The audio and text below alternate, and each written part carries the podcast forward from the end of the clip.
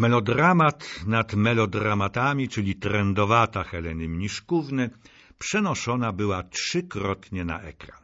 Po raz pierwszy jeszcze w epoce kina niemego, potem już dźwiękowego z Elżbietą Barszczewską w roli tytułowej, a po wojnie postać Stefci Rudeckiej odtwarzała też Elżbieta Starostecka.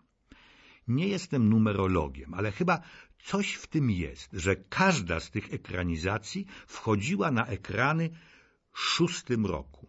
1926, 1936 i 1976. Co z tego miałoby wynikać? Nie wiem. Może to tylko zbieg okoliczności, ale jednak dziwne.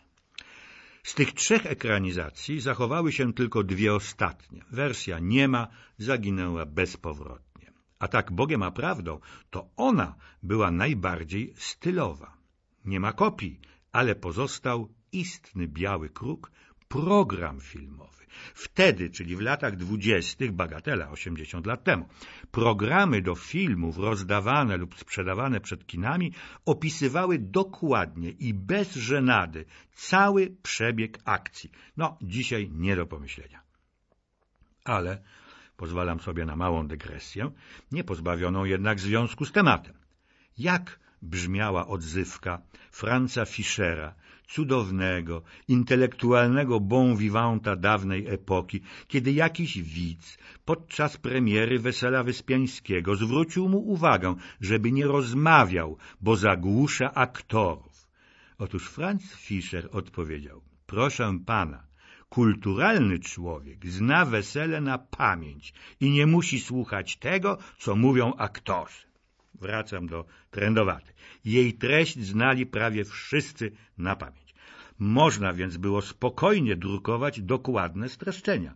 Niespodzianką nie było to, czy ordynat Michorowski zdecyduje się na małżeństwo z uroczą Stefcią Rudecką, albo czy urocza Stefcia pokocha należącego do zupełnie innej klasy ordynata Michorowskiego. Ważne było, jak to zostanie opowiedziane na ekranie i kto wcieli się w główne postaci.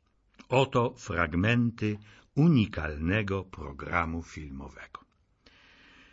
Książę Maciej, czyli Nestor rodu, nie miał dość hartu woli, by oprzeć się potężnym wpływom arystokratycznej sfery. Miłość do Steni Korwiczównej nie wytrzymała ogniowej próby. W walce z przesądem kastowym uległ. Książę Maciej żył, bo żyć musiał. Dopowiadam, tak na wszelki wypadek, książę Maciej jako jedyny akceptuje mezaliansowy związek ordynata Michorowskiego ze Stefcią. I dalej. Uczucie ordynata Waldemara do Stefci rosło i potężniało. Drażniony obojętnością Stefci, dopowiadam, ponieważ zdawała sobie sprawę z wagi i konsekwencji takiego mezaliansu. Postanowił zdobyć ją za wszelką cenę.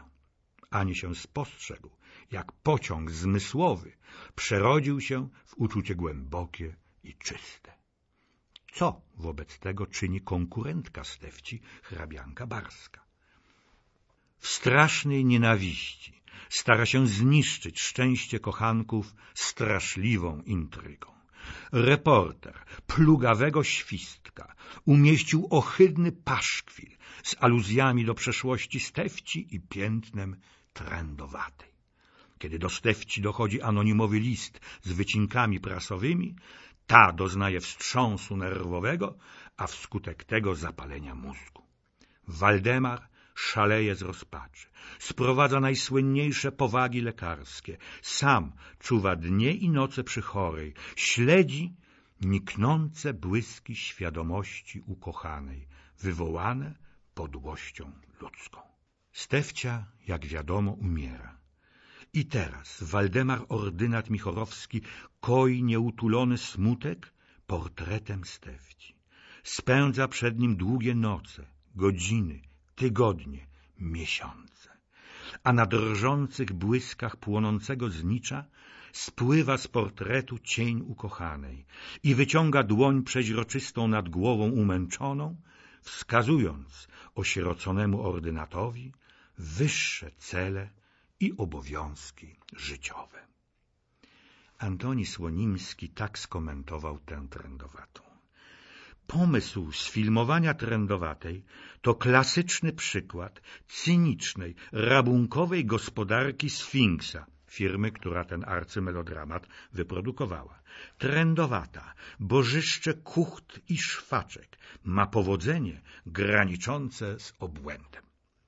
Natomiast odtwórczyni tytułowej roli Jadwiga Smosarska po latach tak mówiła. Przyznam, że lubię tę książkę i lubiłam tę postać. Taka bajka bez happy endu. Poznałam mniszkówną, zaskoczyła mnie. Ładna, cicha, nieśmiała pani. A operatorowi filmu w liście skierowanym do niego dziękowała za, cytuję, poemat pól i lasów, wyśpiewany mistrzowsko na palecie złudzeń świetlnych. No, pięknie napisane, jak to się dziś mówi, cała mniszkówna. No i bądź tu człowieku mądry.